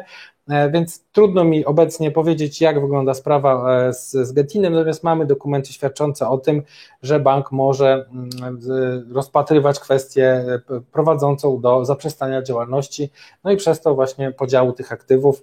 Natomiast absolutnie sprawy frankowe będą tutaj chronione, bo bank już zrobił odpisy i w tym przedmiocie również są rezerwy, także nie ma tutaj żadnych większych na chwilę obecną ryzyk. Natomiast oczywiście już się kwalifikuje do zabezpieczenia naszym zdaniem zabezpieczenia nie tylko niepieniężnego roszczenia, czyli niepłacenia rat, ale również zawieszenia, e, zabezpieczenia tych pieniędzy, e, które będą w przedmiotowym pozwie dochodzone. Myślę, że za kilka tygodni najwcześniej będziemy mieli pierwsze e, rozstrzygnięcia sądów w tym zakresie i wtedy poinformujemy Państwa, jak działa ten mechanizm. Pani Monika pyta, czy były wygrane sprawy z PKO PSA i tutaj z doświadczenia wiem, że zaraz pojawią się inne banki. Nie ma banku, z którym, z którym byśmy nie wygrali. E, te wszystkie informacje są dostępne na naszym blogu, także tak Pani Moniko, są wygrane sprawy z PKO 100%. jak i z każdym innym mhm. bankiem. Ma, ma, tam ma Pani nawet te ostatnie artykuły, które są w serii Tak jest, czyli pokazujemy jak jest faktycznie, a nie jak głosi propaganda. Tam też są opisywane wyroki, orzeczenia, jak one wyglądają, także absolutnie zachęcamy. Mamy zakładkę wyroki, tak? także na stronie internetowej można to wszystko przeczytać. Pan Artur jeszcze zadaje pytanie, kiedy ulegają przedawnieniu roszczenia banku? To już rozmawialiśmy dzisiaj chwilę o tym, czyli mamy 3 lata od tak zwanej trwałej bezskuteczności. I czym jest ta trwała bezskuteczność? Generalnie najpóźniej jest to moment, w którym e, bank się dowiedział o roszczeniu banku, E, o roszczeniu kredytobiorcy, czyli przy złożeniu reklamacji odpowiedniej, a już najpóźniej złożenia pozwu. Tak? Natomiast to jest skutek powiedzmy eliminacji klauzul abuzywnych i stwierdzeniem właśnie nieważności na bazie e, takiego rozstrzygnięcia, czyli e, właśnie pomijając klauzulę abuzywną, umowa jest nie do wykonania, no i od tego momentu ta trwała skuteczność według części sędziów trwa.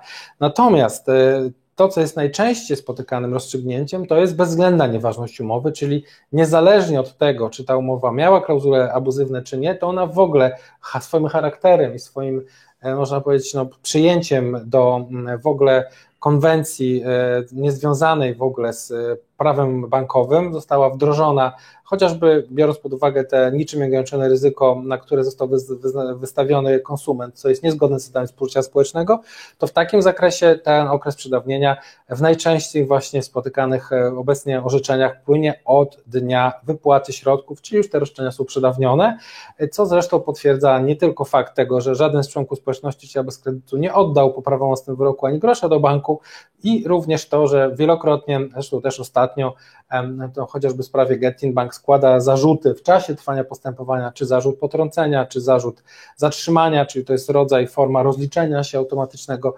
Sąd również nie uznaje z uwagi na przedawnienie takiego roszczenia. E, pani Ewa pyta, czy jeżeli podpisywaliśmy umowę kredytową we franku w roku 2009, możemy złożyć pozew? Tak, Panie Ewo, i tutaj zachęcam do przesłania dokumentów do analizy na nasz adres mailowy infomałpa życie. E, tu również niedługo otrzymają Państwo na naszym czacie link do naszego formularza kontaktowego.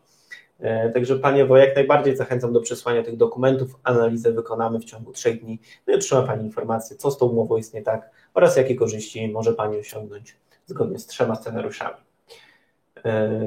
Pan Artur pyta, czy banki sprawnie wykonują wyroki sądowe.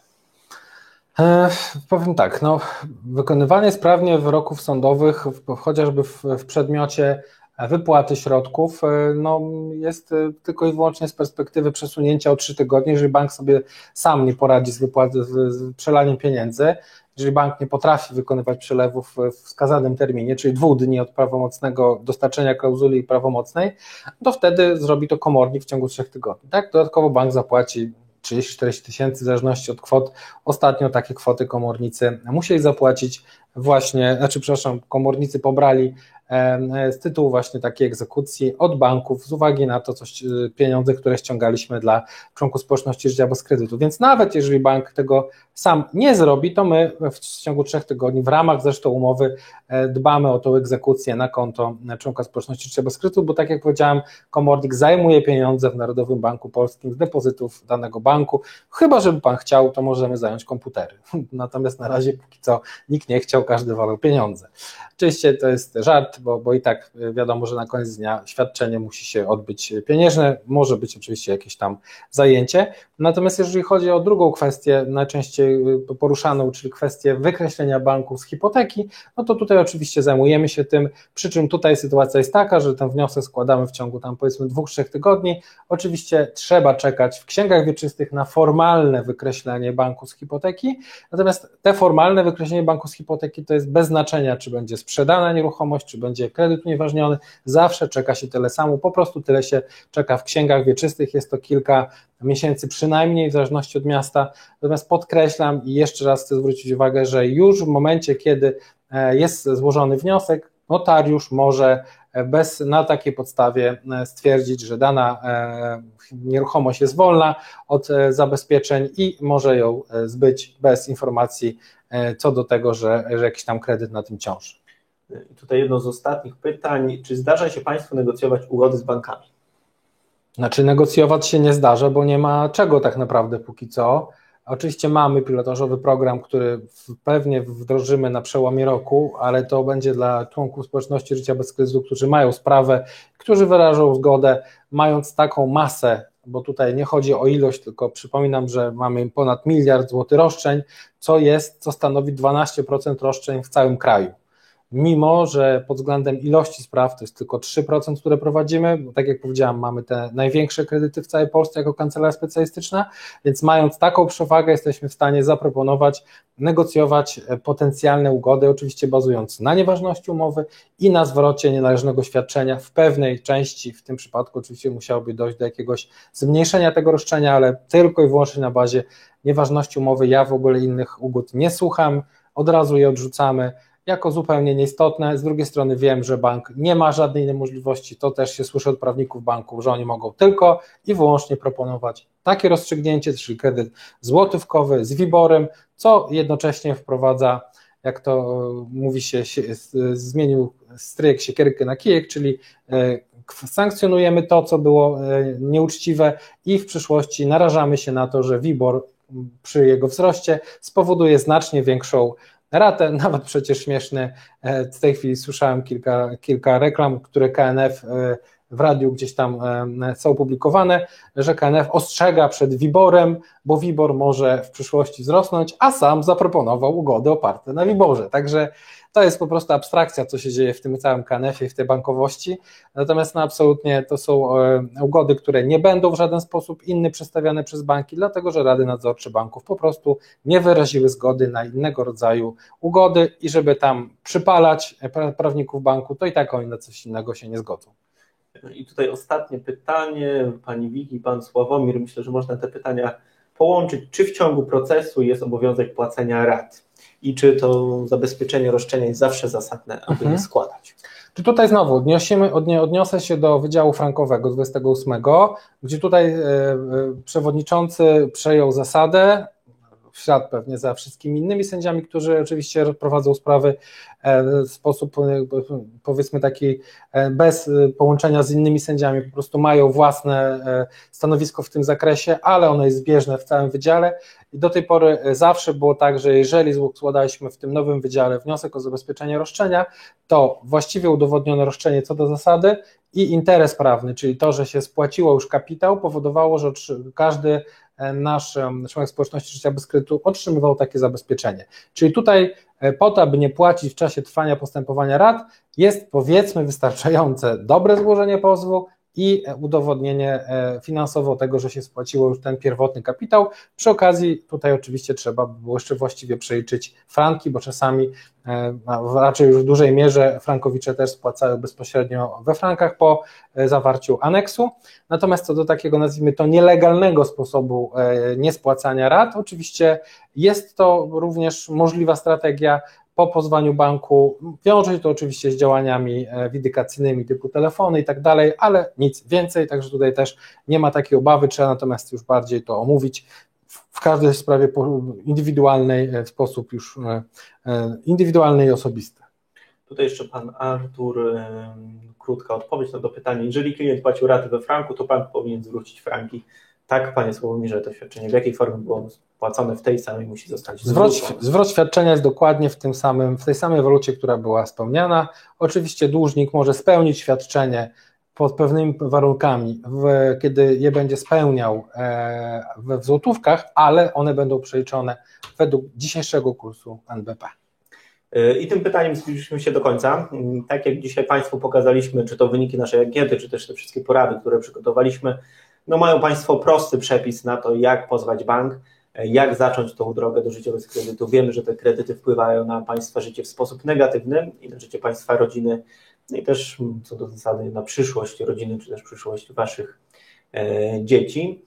Także ja tutaj zachęcam do przesłania dokumentów do analizy, to nic nie kosztuje, a otrzymają Państwo pełną informację, będą mogli Państwo zapoznać się z samymi dokumentami, jeżeli już nawet nie współpraca, no to sam ilość informacji, tej, ta treść edukacyjna, ten walor edukacyjny, który znajduje się w tych materiałach, no jest znaczący, po prostu poszerzą Państwo swoją wiedzę i zaczną się powoli przekonywać do tego, że warto ten bank pozwać. Natomiast oczekiwanie, tak jak e, tutaj Kamil wspominał, wspominał, nie ma za dużego sensu z racji można wykorzystać ten okres wakacyjny, gdzie część kredytobiorców wyjechała i odłożyli to postępowanie. Może się zdarzyć tak, że dziś na tą jesień zamkniemy po prostu przyjmowanie e, nowych klientów, bo jesteśmy kancelarią specjalistyczną, tutaj nie zależy nam na ilości, a na jakości naszego, naszej pracy i tego, aby cieszyli się Państwo po prostu wyrokami unieważniającymi. Także ja bardzo serdecznie dziękuję za dzisiaj.